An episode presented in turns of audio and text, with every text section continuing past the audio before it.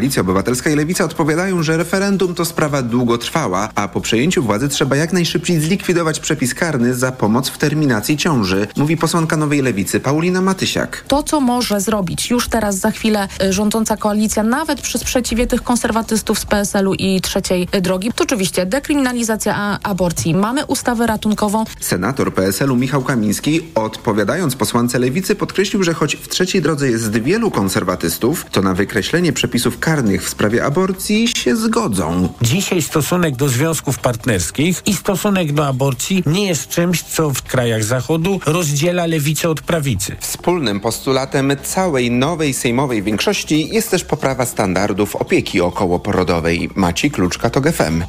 Słuchasz informacji TOK FM. Poznań jako kolejne miasto w Polsce wprowadza podatek od balkonu, ale nie dla wszystkich. Opłata dotyczy tylko nowych budynków z balkonami czy zewnętrznymi schodami, których obrys wchodzi w miejską przestrzeń, mówi Agata Kaniewska z Zarządu Dróg Miejskich w Poznaniu. Jeżeli w piętrowym budynku jeden na drugim znajdują się balkony i zajmują dokładnie taką powierzchnię, bo są dokładnie jeden na drugim, to wówczas tą powierzchnię zajęcia pasa, czyli ten rzut poziomy balkonu liczymy raz. Najwięcej zapłacą lokatorzy z niższych pięter. Opłata za umieszczony nisko nad pasem drogowym balkon o powierzchni 5 m2 może wynieść ponad 180 zł rocznie. Trzeba pamiętać, że opłaty za zajęcie pasa drogowego będą liczone dla całej wspólnoty, ponieważ balkon to jest część wspólna budynku. Podobne opłaty wprowadzono w Szczecinie, Lublinie, Krakowie czy Gliwicach. Kolejne informacje o 11. Za chwilę prognoza pogody.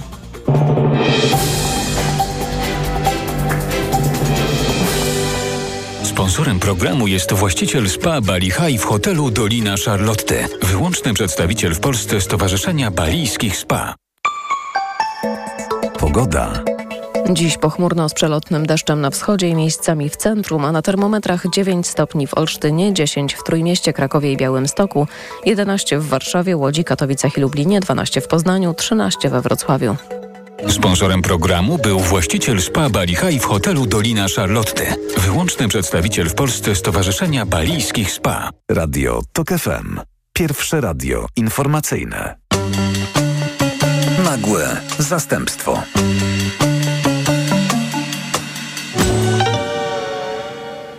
Gdy tylko zaczynamy mówić o konflikcie izraelsko-palestyńskim, wpadamy w pułapkę. Niezależnie od tego, jak bardzo ważylibyśmy słowa, jak bardzo niuansowali nasze stanowisko, i tak zawsze ktoś usłyszy rzeczy, których nie chcemy powiedzieć. A to za mało zaangażowania w walkę z krzywdą niewinnej ludności cywilnej bombardowanej przez siły IDF-u, a to za mało wyrozumiałości wobec idei syjonistycznych czy prawa Izraelczyków do demokratycznego państwa. Ta pułapka jest tym bardziej wyraźna, gdy, tak jak ja, pracuję się w mediach. W ciągu ostatnich kilku tygodni dostawałem bęcki właściwie z obu stron. Zresztą nie tylko o bęcki chodziło, chodziło raczej o, też o formy uwodzenia czy nakłaniania do prezentowania stron konfliktu w określony sposób. Na przykład znajoma, niegdyś dziennikarka, zaproponowała mi kontakt z polskojęzycznym mieszkańcem Gazy, ale tylko pod warunkiem, że nie będę zadawał pytań o Hamas. Nie należy o to pytać, bo to nie jest moment. Teraz na ich głowy sypią się bomby. Izraelczyków nikt nie pytał o ich stosunek do rządu i polityki, gdy napadł na nich Hamas. Tak to uzasadniała. Racja, takich pytań było mało, ale to nie znaczy, że nie było ich w ogóle. Na przykład miałem szczęście rozmawiać z polskojęzyczną mieszkanką Izraela, której właśnie zadałem to pytanie. Jak myśleć o Izraelu dzisiaj, kiedy rządzą nim ekstremiści, którzy na poziomie tak retoryki, jak i działań praktycznych negują prawa ludności palestyńskiej, a którzy jednocześnie ewidentnie doprowadzili do rozszczelnienia procedur bezpieczeństwa w znacznej mierze odsłaniając sąsiadujące z gazą miejscowości izraelskie. Więc niby nie wypada, a jednak jakoś można tego rodzaju pytania zadawać, choć niewątpliwie sytuacja, w której siedzisz w relatywnie spokojnej jeszcze parę tygodni temu. Haifie i nikt z Twoich bliskich nie stracił życia, nie jest tym samym, co siedzieć w pozbawionej prądu i wody gazie, bez szans na wyjazd, za to ze świadomością, że za chwilę Twój dom tak jak dom sąsiada może zostać zburzony bombą. Więc niby symetria jest, a jednak jej nie ma. Ale pytać o Hamas trzeba właśnie teraz, gdy toczy się ta odsłona konfliktu, bo nie będzie ani lepszego, ani ważniejszego momentu. I nie wiem, czy tak naprawdę to rozmowa o poglądach politycznych, czy może nawet mocniej o stosunku do przemocy, też wprost polityczna. No a zarazem pojawia się wątpliwość. Dlaczego w takim razie nie pokazać po prostu cierpienia ludności cywilnej? Dlaczego nie uniknąć tej rozmowy o Hamasie? Dlaczego nie zrobić takiego wywiadu? W końcu świat powinien się dowiedzieć, czym ta gaza tak naprawdę jest. Ale tu znowu zaczynają się schody, bo Palestyńczycy, w tym Hamas, doskonale wiedzą, że zdjęcia i opisy cierpień ludności cywilnej są rodzajem broni, czymś, co hamuje izraelskie operacje wojskowe, skutecznym narzędziem presji. Całe szczęście chciałoby się powiedzieć. I to będzie prawda. Całe szczęście, że jest coś, co sprawia, że strona silniejsza, dysponująca lepszym uzbrojeniem i większymi siłami militarnymi, będzie w swoich działaniach hamowana. W końcu i tak bilans kolejnych odsłon konfliktu zawsze był na niekorzyść Palestyńczyków, których ginęło nieporównywanie więcej niż Izraelczyków. Ale tu znowu pojawia się konflikt, bo cierpienia ludności cywilnej w Gazie były oczywistą ceną także dla Hamasu, gdy mordował Izraelczyków. Wszyscy od lat, od dziesięcioleci wiedzą, że Izrael tak odpowiada na ataki na swoim terytorium. A skoro tak, to zdjęcia martwych i okaleczonych izraelskimi bombami dzieci są wliczone w konflikt. Ktoś tu nami manipuluje i to w bardzo brzydki sposób. I tak zamyka się kolejna pułapka. Chcesz powstrzymać przemoc, stanąć po stronie ofiar, ale zarazem to narzędzie działa tylko wtedy, gdy sam decydujesz o sensach, kontekstach, w którym tym cierpieniem dzieci i kobiet operujesz. A gdy wymyka ci się to z rąk, gdy polegasz na cudzej narracji, której nie sposób zweryfikować, sam stajesz się narzędziem. Już nie hamujesz, tylko podgrzewasz i tak gorący konflikt. Rozemocjonowany, wściekły rozmówca to marny materiał na wywiad, nawet jeśli emocje, które przeżywa, są uzasadnione i w pełni zrozumiałe. Póki nie mogę wziąć odpowiedzialności za emocje, które wpuszczam w przestrzeń publiczną, wolę tego nie robić. Nie w tym wypadku, nie przy tym temacie w każdym razie, choć w wielu innych te emocje mogą być i są potrzebne. Czemu akurat ten konflikt jest takim, w którym przekaz emocjonalny ma mniej sensu niż analiza? Bo nie rozumiemy, z ilu poziomów się składa. I to właśnie dostrzeganie tych poziomów staje się częścią wyzwania, być może najtrudniejszą. Nagłe zastępstwo. Jakub Janiszewski przy mikrofonie, a Państwa i moim gościem jest profesor Monika Bobako z Uniwersytetu Adama Mickiewicza w Poznaniu. Dzień dobry. Dzień dobry, witam Państwa. Tydzień temu rozmawialiśmy o takich ogólnych kontekstach, w które wpada nasza refleksja nad konfliktem izraelsko-palestyńskim, a w tym tygodniu spróbujemy się przyjrzeć uważniej przynajmniej dwóm zjawiskom, które niewątpliwie na ten konflikt wpływają, a być może też do pewnego stopnia z niego wynikają. Mianowicie spróbujemy się zastanowić nad antysemityzmem i nad islamofobią, właśnie w kontekście e, tego, co dzieje się w tej chwili w Gazie. O antysemityzmie Zaczęto mówić chyba już sporo lat temu, jeszcze chyba może w latach 70. się to zaczęło, taka refleksja na temat antysemityzmu, że to jest antysemityzm 2.0, że ten anty, postawy właściwie to jest pewnego rodzaju nowy antysemityzm. Ale czy faktycznie można taką tezę postawić? Rzeczywiście w tych dyskusjach dotyczących antysemityzmu pojawia się termin nowy antysemityzm i on e, jest przedmiotem bardzo wielu kontrowersji z tego względu, że stara się włączyć pod hasło antysemityzm rozmaite postawy, dyskursy, kategorie, jakieś takie polityczne e, zachowania, e, które za cel krytyki czy też ataku biorą sobie nie tyle Żydów, jak to było w tradycyjnym czy mm, takim klasycznym antysemityzmie, przy całym jego zróżnicowaniu, co raczej tak, tym celem ataków jest e, mm, państwo izraelskie. I tutaj argument jest taki, że różne mm, krytyczne, wrogie, niechętne wypowiedzi, formy polityki, e, które Mm, koncentrują się na Izraelu, są też wariantem antysemityzmu. I to oczywiście jest, jest nowe zjawisko, no bo ono wiąże się z dwudziestowieczną historią i z samym faktem w ogóle utworzenia y, państwa izraelskiego. Ale oczywiście kontrowersje, które się pojawiają, dotyczą tego, że po pierwsze skleja się tutaj pewną formę krytyki wymierzonej w politykę określonej organizacji politycznej, tak, jaką, czy struktury politycznej państwa, tak, y, skleja się z długą historią w wielu przypadkach za zabójczej wrogości wobec Żydów. I argument jest taki, że tych krytyków tego sklejenia, że jest to nieuzasadnione i że w gruncie rzeczy jest to jakaś forma instrumentalizowania uzasadnionej historycznie, etycznie i politycznie krytyki antysemityzmu właśnie z jakąś agendą państwową, polityczną. Tak? Więc jakby tutaj wokół samego terminu nowy antysemityzm jest bardzo wiele sporów, jest to bardzo jakby sam w sobie zapalny termin. I rzeczywiście mamy do czynienia z dyskusjami, jak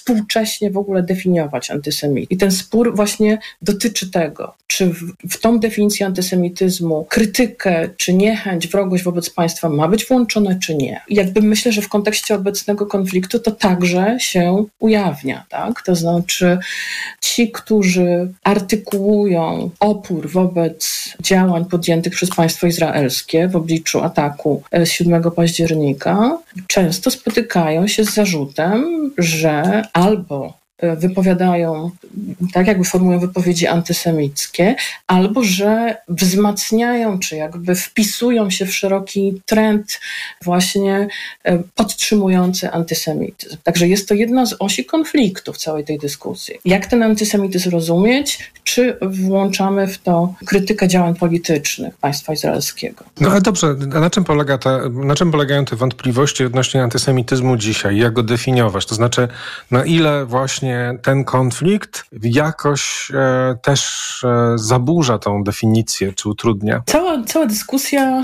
e, toczy się z tego powodu, że jakby mamy do czynienia z e, konfliktem, którego strony oczywiście są bardzo różnie określane. Tak? Czy to jest konflikt między Izraelem, a czym? Hamasem, tak? Izraelem, a Palestyńczykami? Czy to jest konflikt między Żydami a Palestyńczykami jako Arabami? Czy to jest konflikt pomiędzy religiami, tak, judaizmem i islamem? Oczywiście każda z tych interpretacji tego konfliktu ma jakieś argumenty. Tak? Kiedy analizujemy tą, to sprzężenie pomiędzy y, antysemityzmem i islamofobią, tutaj y, jakby cały problem dotyczy tego, że w kontekście konfliktu izraelsko-palestyńskiego, nie tylko y, z ostatnich tygodni, nie tylko w kontekście tych wydarzeń z ostatnich tygodni, ale to ma dłuższą historyczną perspektywę. Często jest tak, że ci, którzy walczą z antysemityzmem, jakoś tak jakby sięgają po argumenty, czy jakby sformułowania, czy jakieś zajmują postawy, które inni odczytują jako islamofobiczne, czy e, arabofobiczne. E, natomiast ci, którzy starają się kontrować is, y, islamofobię, tak? Ci, którzy e, wyrażają e, postawy poparcia wobec strony palestyńskiej, czasami, tak, jakby w kontekście tych mobilizacji popalestyńskich, e, można dostrzec wykorzystywanie argumentacji antysemickiej. To jest jakieś takie zjawisko, które ja nazywam takim negatywnym sprzężeniem zwrotnym, to znaczy jakimś takim mechanizmem, który sprzęga jedno z drugim tak? I tworzy jakiś taki straszliwie skomplikowany splot, e, gdzie jakby przedmiotem wielkich kontrowersji są użyte słowa, e, jakieś obrazy, tak? Sięganie po argumenty, jakby to wzajemne etykietowanie się, kto używa nawiązań antysemickich, a kto e, sięga po repertuar antyarabskiego rasizmu, tak? Czy ksenofobii, jakby są tutaj jakby w obiegu, w całej tej dyskusji. To jest oczywiście jakaś taka wojna także reprezentacji, wojna o narrację, o dyskurs, jaki typ argumentów, wyobrażeń, obrazów w ogóle można w tym, e, w, tym, w odniesieniu do tego konfliktu używać, a co jest nieuprawnione i jakby od razu odsyła nas do, no jakby do historii i dyskursów politycznych, których nie akceptujemy. A to niewątpliwie, bo to bardzo łatwo, właściwie nawet, nawet ta nasza rozmowa z ubiegłego tygodnia już tak wnioskuję z maili niektórych słuchaczy, została nazwana, no nie wiem, obroną Palestyny, czy jakiegoś takiego, takiej postawy propalestyńskiej, czy nawet ktoś użył takiego sformułowania, że to jest apologia. Czyli właściwie to jest pole minowe, to znaczy niezależnie od tego, z jakimi intencjami wyjdziemy, i tak będzie jakaś afera. Znaczy też jest trochę tak, że w takich sytuacjach, które, w których dzieje się coś tragicznego, w których są śmierci i w których, e, i które powodują bardzo intensywne emocje, i taką potrzebę artykułowania, potępienia, solidarności. Ten obraz e, jest taki bardzo mocno, tak wyraźnie narysowany. I w takim kontekście wszelka złożoność sytuacji oczywiście się gubi, więc jest tak, że ci, którzy starają się dodawać nowe elementy do tego obrazu, jakby pogłębiać go, jawią się drugiej stronie bardzo często jako ci, którzy relatywizują problem. Ci, którzy w jakiś sposób zamazują tak moralną wyraźność E, sytuacji, tak, że jest zbrodnia, trzeba ją potępić. Tak? Więc tutaj zdecydowanie e, pojawiają się takie argumenty, że wszelkie pokazywanie, dawanie kontekstu dla zbrodni Hamasu, to znaczy umieszczanie tej sytuacji w szerszym kontekście historycznym, zwracanie uwagi na długą historię tej, tych niesprawiedliwości, które Palestyńczycy doświadczają od 75 lat, od jakby wpada tak jakby w tą ramę, że jest to nie uprawnione relatywizowanie zbrodni dokonanej przez Hamas. E, z drugiej strony, jakby różne głosy palestyńskie e, zwracają uwagę na to, że pewien sposób przedstawiania e, tego konfliktu, który jakby skupia się wyłącznie na tych ostatnich wydarzeniach, to znaczy często się mówi, że coś się wydarzyło od początku konfliktu, mając na myśli 7, 7 października. To znaczy takie usuwanie w cień, abstrahowanie od całej tej długiej historii. Te głosy palestyńskie mówią, że jeżeli tak się ten konflikt przedstawia, to w gruncie rzeczy, tak, czyli jakby skupiając się e, na, na tej e, masakrze zorganizowanej przez Hamas, że to jest taki zabieg, który ułatwia przedstawienie strony palestyńskiej, jakby takie sklejenie jej z czymś barbarzyńskim, nieuzasadnionym, irracjonalnym, czymś, co jakby wyrasta z tej islamistycznej ideologii Hamasu. I jakby samo to odcięcie historycznego kontekstu, tak, tego, co doświadczają e, Palestyńczycy w Gazie na przykład, e, e, jest tutaj odczuwane jako element budowania takiego wizerunku Palestyńczyków, który, w którym jakby akcent jest położony właśnie na tą irracjonalną, barbarzyńską przemoc która jakoś ma się wiązać także e, właśnie z islamem. Więc tutaj jakby jest, jesteśmy na tym polu minowym, kluczowe są niuanse, kluczowe jest użycie lub nie, nie sięganie lub nie sięganie do historii, komplikowanie lub niekomplikowanie obrazu. Mamy nieustannie kontrowersje, które na tym, na tym polu wy, wybuchają. To może odnosząc się właśnie teraz do tego, co pani powiedziała, e, w jaki sposób ten konflikt wpływa na e, zjawisko islamofobii, na zjawisko e, no, niechęci wobec muzułmanów. Czy też ma Pani poczucie, że on tutaj się manifestuje i jakoś zasila właśnie między innymi przez takie budowanie takich skojarzeń z Palestyńczykami, że to też tutaj gra tak samo, jak grają kwestie antysemickie w przypadku naszego rozumienia Izraela w tym konflikcie? Czy z całą pewnością y, islamofobia jest elementem tego obrazu, choć pewnie nie jedynym. Sprzyja temu fakt, y, że organizacja, która y, zorganizowała tę zbrodnię z 7 października, ma profil religijny. I co więcej, jest organizacją, która w jakiś sposób stara się definiować sprawę palestyńską w języku religijnym. Sam fakt że coś takiego się dzieje, no jakby tworzy, tak jakby zasila ten dyskurs, który łączy islam z przemocą, z tym y, jakimś irracjonalnym działaniem, którego w żaden sposób nie można wpisać w standardy cywilizowanej, tak, demokratycznej e, polityki. Więc z całą pewnością to jest element takiego, takiego obrazu, e, w którym jakby trudno wchodzić w negocjacje z, z tego typu aktorami, tak, e, którzy dopuszczają się przemocy właśnie tak skrajnej. E, więc oczywiście w kontekście izraelsko-palestyńskim ta islamofobia się aktywowała, chociaż też trzeba pamiętać, że historia tego konfliktu, jakby w historii tego konfliktu te strony różnie były definiowane, tak? To znaczy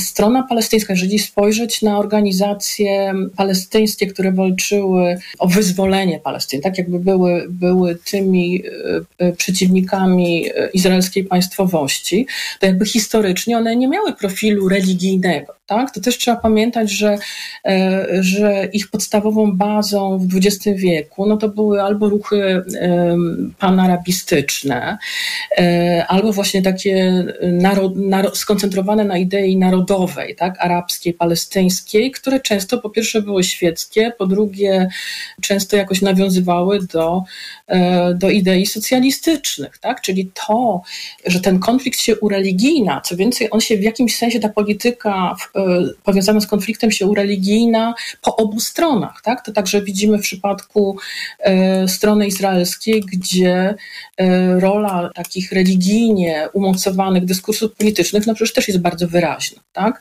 Więc, więc jakby pamiętając, co się dzieje jakby w kontekście kontek tego konfliktu izraelsko-palestyńskiego, no warto, warto brać pod uwagę to, że to jest jakiś konkretny moment historyczny, w którym ten konflikt tak mocno się ureligijnia. I jakby wtedy postawy antymuzułmańskie jakby się splatają z całą tą dyskusją wokół tego konfliktu. Więc, więc tak, no jakby tutaj mamy do czynienia z, z tym akcentem na to, że mm, coś tu się dzieje związanego z islamem i ten islam jest sformułowany, jest, ten islam jest tutaj po stronie przemocy. To jeszcze odnosząc się do tego ureligijniania się tego konfliktu, na ile, na ile w to wszystko właśnie po stronie izraelskiej jakby zaczyna w bardzo znaczący sposób wchodzić kwestia osadnictwa i tego osadnictwa motywowanego no takim e, tematem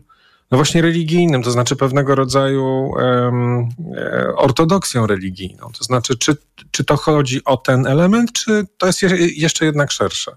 W ogóle, tak jak się patrzy na e, politykę bliskowschodnią z jakiejś takiej szerszej historycznej perspektywy, to widać tą ewolucję rozmaitych dyskursów politycznych, które w punkcie wyjścia były świeckie, w jakiś sposób nawiązywały do idei socjalistycznych. I e, taką ważną zmianą dla obu stron konfliktu jest rok 67, tak? I wojna sześciodniowa, e, przegrana przez stronę arabską, co zapoczątkowało zapoczątkowało jakiś taki proces rozpadu wiary w te świeckie dotychczas jakoś tam dominujące w świecie arabskim narracje. Na przykład właśnie w przypadku Egiptu taka narracja E, rozwijana przez przywódcę egipskiego Nasera. Tak? To był taki ważny moment, w którym wpływy organizacji religijnych zaczęły zdecydowanie rosnąć. Oczywiście w przypadku Palestyny, e, w przypadku e, tych organizacji walczących o palestyńską państwowość, no Hamas to jest koniec lat 80., tak? Jakby on wchodzi bardzo mocno na scenę, więc to jest dwie dekady po 67 roku, ale jakby tutaj analizuje się to jako pewien proces i jakby co ta religia tam robi. To znaczy oczywiście jest pewnym jakimś takim elementem dodatkowo wzmacniającym te narodowe czy nacjonalistyczne E, postulaty, tak? W tym sensie, że zarówno dla, e, dla religijnych Żydów, jak i dla religijnych e, muzułmanów obszar Palestyny jest bardzo ważny z punktu widzenia właśnie tej tradycji religijnej. Konieczność obrony praw do tej ziemi, tak? Czy też walczenia o, o tą ziemię, to, że, że te postulaty są wkładane w tą narrację religijną, jakby dodatkowo wzmacnia tą politykę tak? No bo mówimy o, o Palestynie, mówimy o Jerozolimie, mówimy o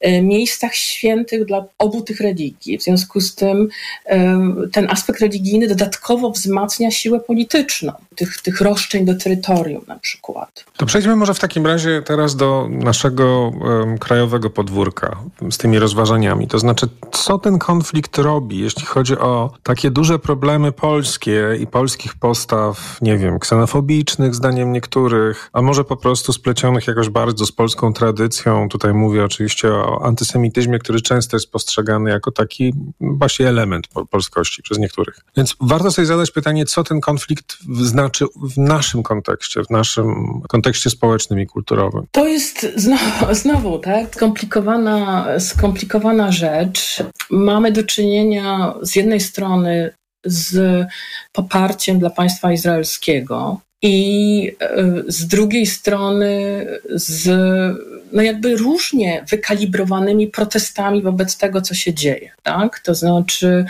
jakby mamy z, z, różnych stron artykułowane poparcie lub sprzeciw wobec tych wydarzeń. Ja myślę, że to, ten obraz jest bardzo skomplikowany. Pan pyta oczywiście o antysemityzm. Mamy tradycję antysemityzmu i wydawałoby się, że to jest głównie historia z przeszłości, ale dyskusje wokół antysemityzmu w Polsce odżywają w kontekście właśnie rozliczania się z tą antysemicką przeszłością. Prawda? Się okazuje, że badania historyczne e, z ostatnich dekad dotyczące postaw Polaków e, wobec zagłady Żydów, tak, e, stają się jakimś takim punktem, który znowu tą kwestię antysemityzmu wyciąga w jakichś nowych wariantach. Sam opór wobec przyznania, czy jakby uznania tego, że postawy polskie wobec Żydów w czasie zagłady nie, wszyscy, nie, nie, nie były idealne, tak? że mówimy o jakiejś e, formie współudziału Polaków w tej zakładzie. Tak? To są bardzo kontrowersyjne tezy, one jakby wzbudzają całą masę, znaczy jakby wywołują kwestię antysemityzmu e, z tej historycznej przeszłości e, i jakby tu się bardzo dużo znowu dzieje w naszym kontekście. To, jest, e, to, to tworzy też kontekst, w którym podnoszenie kwestii izraelsko-palestyńskich jakoś dodatkowo się komplikuje. To znaczy, e, różni obserwatorzy podnoszą obawy, że popieranie Palestyńczyków e, krytyka polityki izraelskiej zbyt często się skleja z antysemicką polską tradycją. Z drugiej strony inni mówią, że to kojarzenie krytyki Izraela z antysemityzmem jest też jakimś zabiegiem propagandowym. Tak? Czyli tutaj ten typ rzeczy się rzeczywiście dzieje. Jeżeli pan spojrzy na, e, na jakby taką szerszą perspektywę popierania jakby polityki palestyńskiej, to oczywiście znowu kontekst jest ważny polityczny. To znaczy do 1989 roku Polska oficjalnie była po stronie wspierającej kraje arabskie wspierające Palestynę. Ta polityka się zreorientowała po 1989 roku i ten jakby oficjalny dyskurs to y, jakby wraz z tą zmianą polityczną ukierunkował się na popieranie przede wszystkim jednak strony izraelskiej. Tutaj znowu, tak, jakby e, pewne, jeżeli przyglądamy się e, poparciu e, dla Palestyny, to tak, można dostrzec zjawiska no, niezwykle niepokojące. To znaczy, ci, którzy e, w swoim pakiecie ideowym mają antysemickie hasła, e, i jednocześnie mają hasła na przykład antyimigranckie, islamofobiczne, e, czasami będą chcieli y, zajmować stanowisko propalestyńskie. Tak, ja tutaj mówię na przykład o środowiskach y, y, nacjonalistycznych, które w jakiś sposób wykorzystują e, retorykę antysyjonistyczną jako, jako, mm, no, jako jakąś taką formułę, w której mogą swoje antysemickie e, hasła przemycać. Rzeczywiście to jest, czyli mamy, mamy jakąś taką bardzo skomplikowaną e, mozaikę instrumentalizacji tych dyskursów i y, y, wykorzystywania ich do bardzo różnych politycznych y, celów. A równocześnie, żeby to jeszcze bardziej skomplikować, no mamy też taki aspekt e, wsparcia e, Palestyńczyków, takiej nowej lewicy, czy może raczej młodej niż nowej, to znaczy takich nurtów lewicowych, które no, postrzegają mm, sprawę palestyńską jako jakąś emanację nie wiem, jakby takiego wyzwolenia ludowego. E, I to się bardzo często krzyżuje z takimi e, postulatami, które mają, są właśnie postrzegane jako bardzo progresywne społecznie. Nie wiem, wsparcia dla osób LGBT, no, takie rzeczy. Znaczy, to jest interesujący też aspekt. Znaczy, tam ta lewica, która dostrzegła w sprawie palestyńskiej swój temat. Trochę to pewnie w ten sposób wracamy też do, do dyskusji o tych kwestiach um, um, niemieckich, czyli rozliczania się z przeszłością kolonialną, ale chyba nie tylko. Aby zrozumieć ten typ, e, ten typ narracji, warto sięgnąć do takich e, rozpoznań, które wskazują na to, że w dyskusjach, które e, dotyczą konfliktu izraelsko-palestyńskiego, ujawnia się takie zderzenie, konflikt pomiędzy dwoma, można powiedzieć, paradygmatami. Jeden paradygmat wiąże się skupia się na kwestii e, Holokaustu, pamięci Holokaustu i wiąże się z jakimś takim projektem e, szerokim, nie wiem, etyczno-politycznym, e, formułowanym pod hasłem nigdy więcej.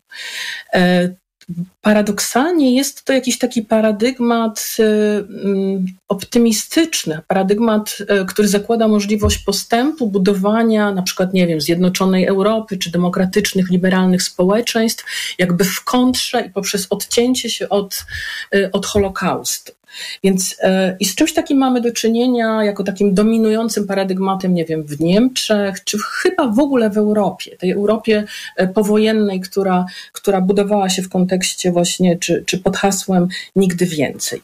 Jakby tym drugim paradygmatem, który okazuje się konkurencyjny dla tej opowieści, jest e, paradygmat, który można określić jako postkolonialny. To znaczy takie spojrzenie, taka perspektywa, która przede wszystkim wszystkim jest krytyczna wobec europejskiej czy zachodniej historii, zwłaszcza wobec e, jej, e, te, tej, tego wątku dotyczącego kolonializmu i różnych form rasizmu, niesprawiedliwości, które właśnie wiązały się z tą ekspansją Europy poza swoje, e, te, tak jakby w obszar pozaeuropejski. Teraz mówię o, tej, o, tej, o tym paradygmacie takim postkolonialnym, ponieważ e, pewne postawy lewicowe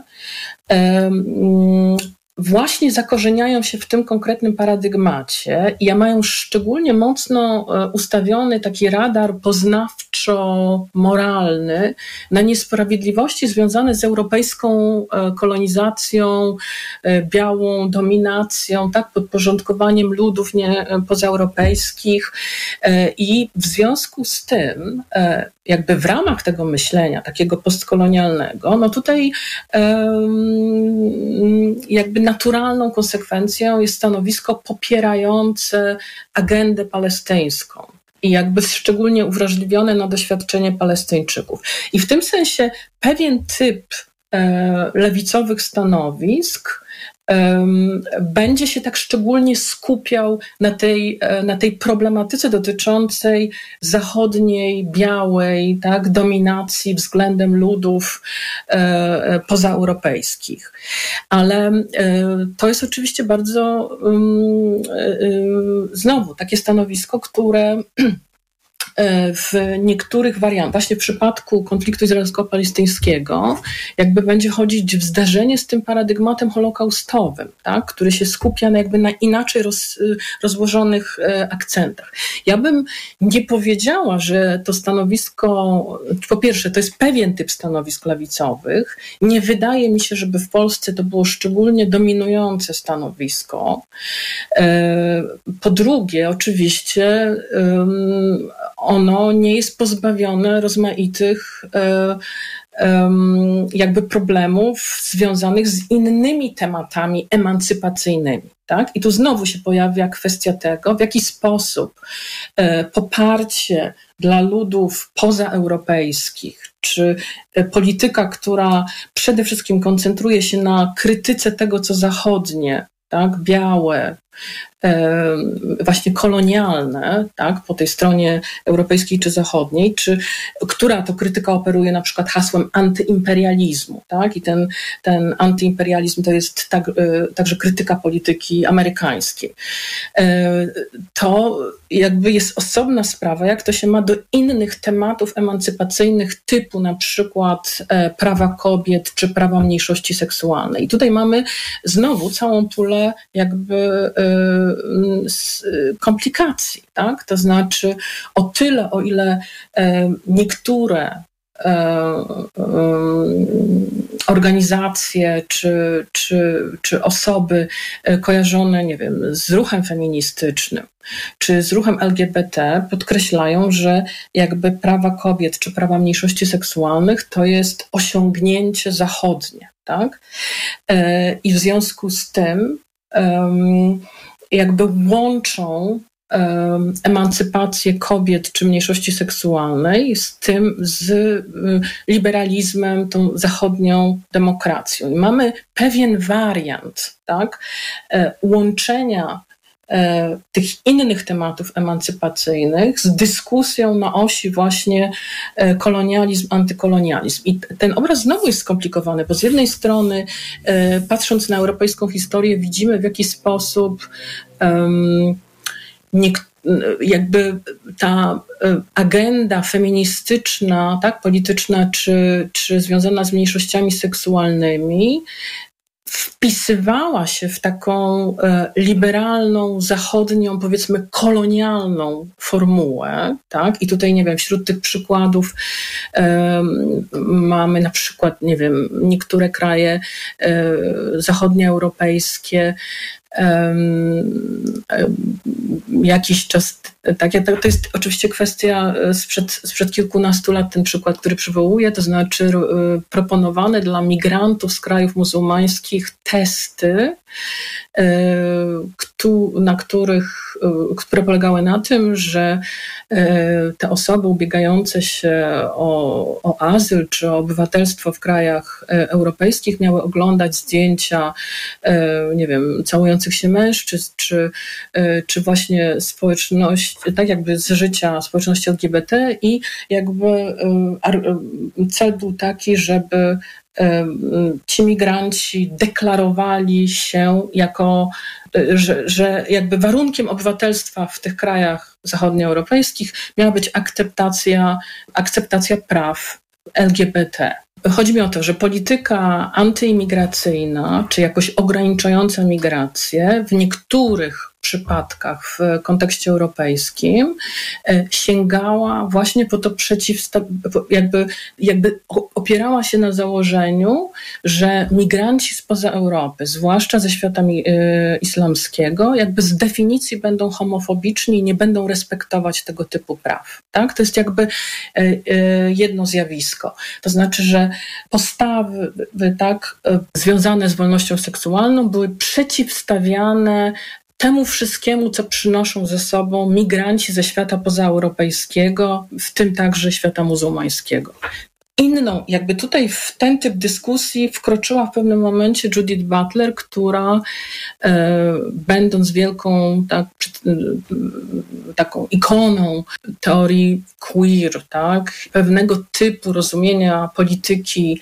e, związanej z prawami mniejszości seksualnej, przeciwstawiła się islamofobii. Tak? To było takie słynne wydarzenie z, zdaje się, 2010 roku, kiedy Judith Butler w Berlinie odmówiła przyjęcia nagrody. Wyszła na scenę nagrody przyznawanej w trakcie, pamiętam e, nazwy tego wydarzenia, w każdym razie wiązało się ono właśnie z celebracjami, e, z Paradą Równości. Nie pamiętam, jak, jak to wydarzenie się nazywało i ona powiedziała, że nie zgadza się na przyjęcie nagrody ze, związanej właśnie z tą walką o prawa mniejszości seksualnej, ponieważ zbyt często w tych e, organizacjach pojawiają się mm, wypowiedzi, postawy rasistowskie czy antymuzułmańskie. Ona... To była tak zwana nagroda odwagi cywilnej, Civil Courage Award. I to rzeczywiście był 2010 rok, ale ona te tezy zaczęła głosić już wcześniej. W 2006 zdaje się był taki pierwszy przypadek, kiedy publicznie właśnie powiedziała o tym, że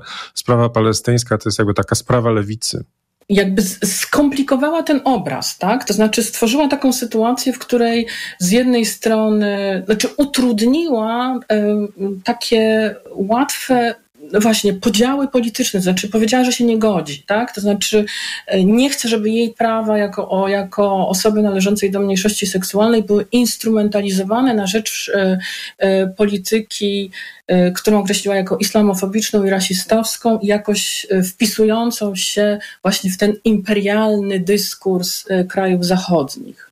I oczywiście wywołała wielką burzę, tak? Jakby postawiła pytania o to, jak w tym takim bardzo skomplikowanym polu przecinających się problemów politycznych, jak w ogóle się sytuować, tak?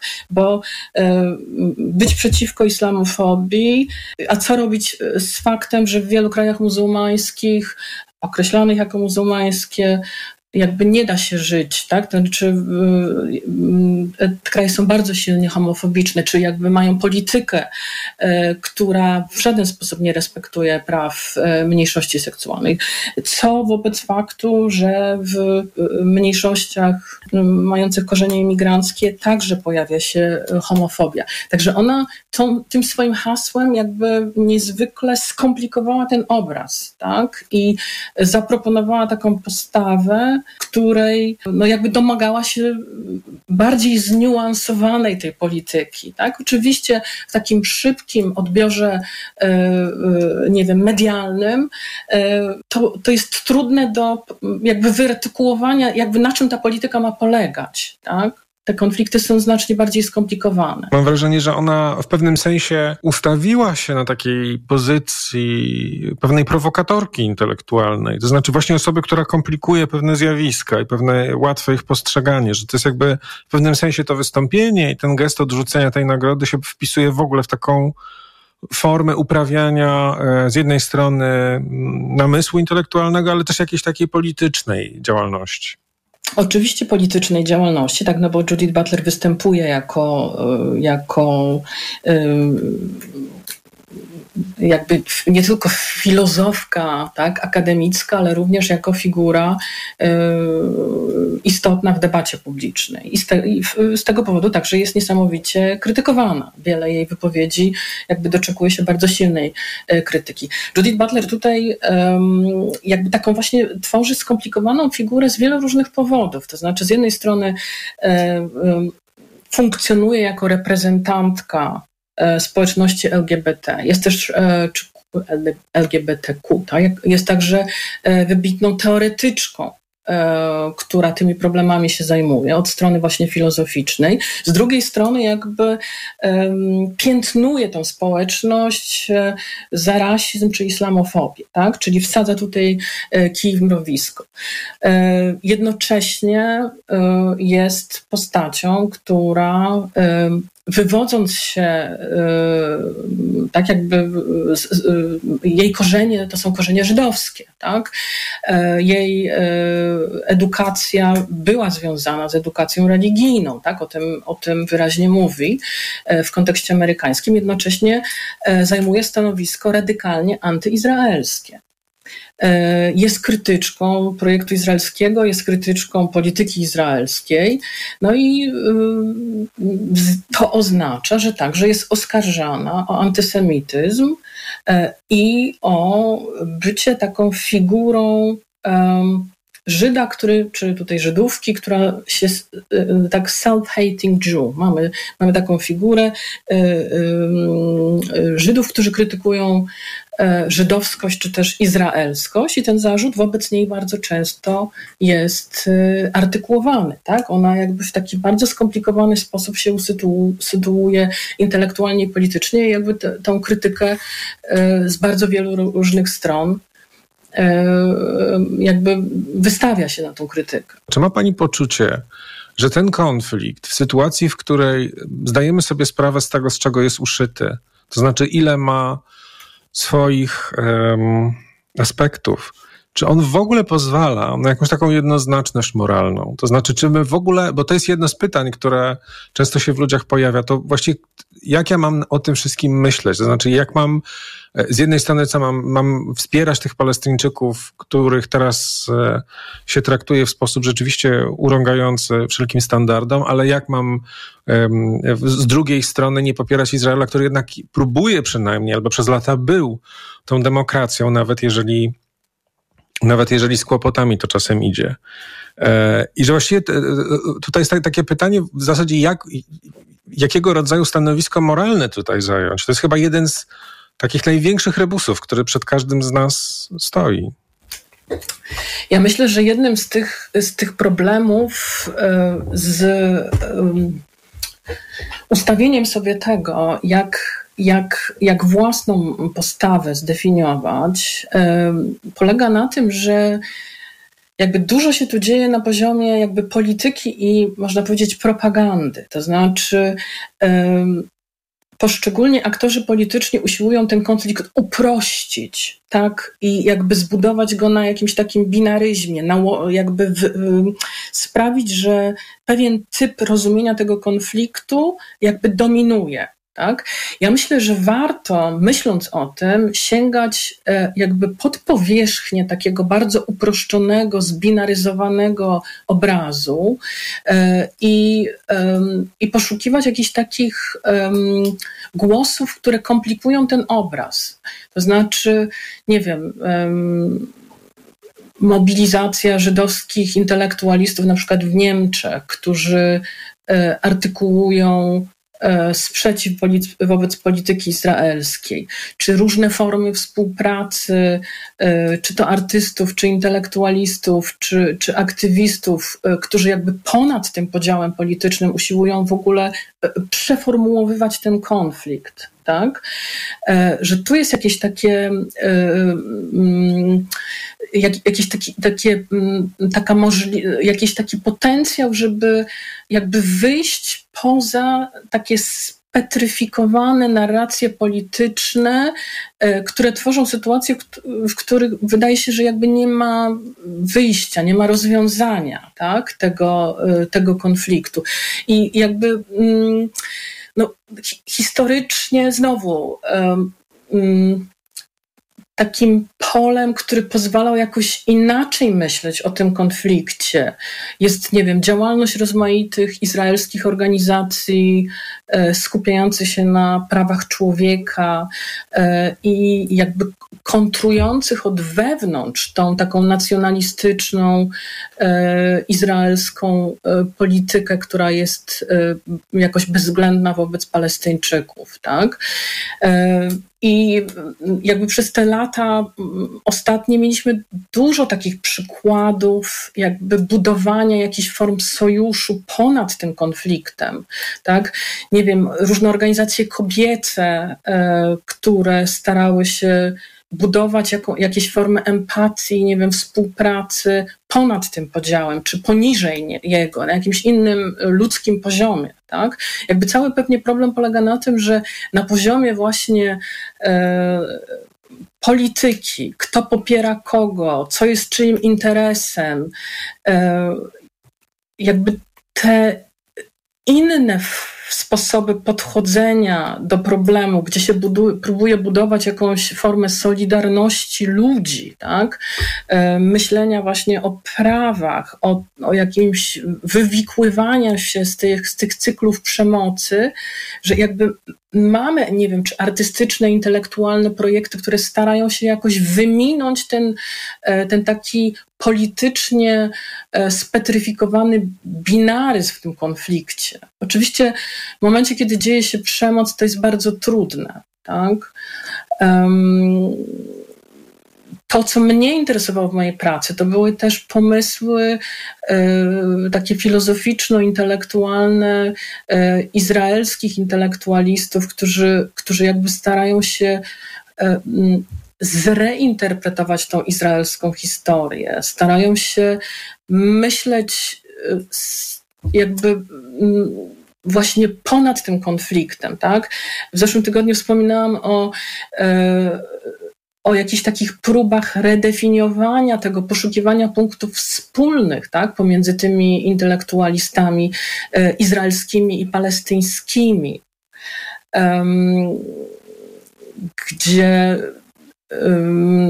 jakby jest mnóstwo paradoksów, tak? To znaczy z jednej strony wewnętrzna izraelska krytyka projektu syjonistycznego,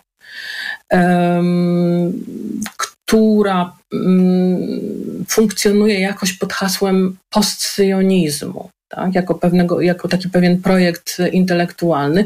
Z drugiej strony, na przykład głosy palestyńskich intelektualistów, którzy podkreślają to, jak bardzo e, doświadczenie palestyńskiego wygnania, nie wiem, życia w diasporze, um, życia bez, um, no właśnie, w jakiejś takiej bezdomności i ucisku, że to doświadczenie do, do jego opisu, um, jakby Palestyńczycy sięgają po teksty z tradycji żydowskiej. To znaczy, że ten język tej dawnej, diasporycznej żydowskiej kultury, e, filozofia, nie wiem, poezja, tak, jakby myśl e, i doświadczenia e, żydowskie, jakby tutaj stają się jakąś takim rezerwuarem symbolicznym i i jakby są wykorzystywane przez, e, przez intelektualistów e, palestyńskich. Takim przykładem na przykład jest wybitny palestyński poeta Mahmoud Darwish, tak? Czy e, tego typu ideę promował nieżyjący już, już Edward Said na przykład, tak? Więc ja mam takie poczucie, że w tej przestrzeni takich politycznych deklaracji i definicji to rzeczywiście jest bardzo trudno jakby wywikłać się z tego um, uwięzienia e, w tym, w tym binaryzmie, ale że um, jakby są jakieś przestrzenie tego problemu, tak, jakby tego konfliktu, gdzie ludzie próbują jakby budować jakieś narracje czy sposoby odczuwania, które e, jakoś mają na celu podważenie tego. To wszystko oczywiście dzieje się w sferze intelektualnej, w sferze jakby infra politycznej, w sensie, że poniżej poziomu tej takiej wielkiej, globalnej, zmilitaryzowanej polityki. W tym sensie wydaje się to tak niezwykle słabe. Ale myślę, że to jest dobra puenta tej naszej rozmowy. Państwa i moim gościem była profesor Monika Bobako z Uniwersytetu Adama Mickiewicza w Poznaniu. Nagłe zastępstwo.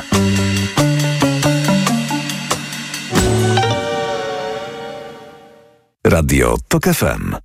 Pierwsze radio informacyjne. Tak niewiele żądam, tak niewiele pragnę, tak niewiele widziałem, tak niewiele zobaczę.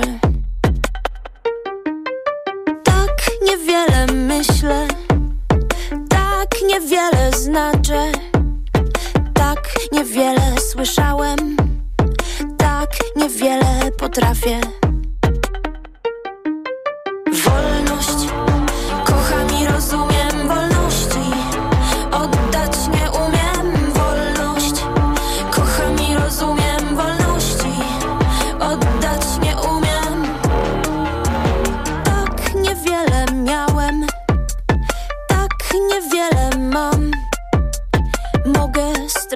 Wszystko,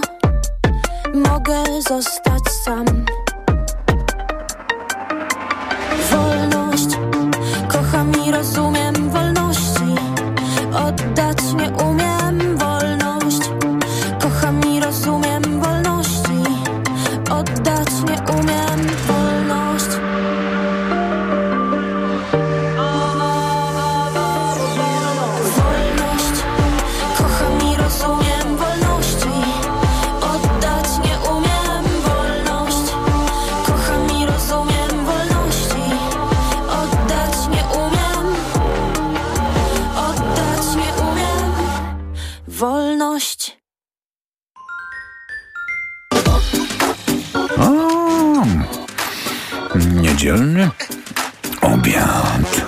Uczta dla mało i bardzo wymagających. Słuchaj w niedzielę po 12.20.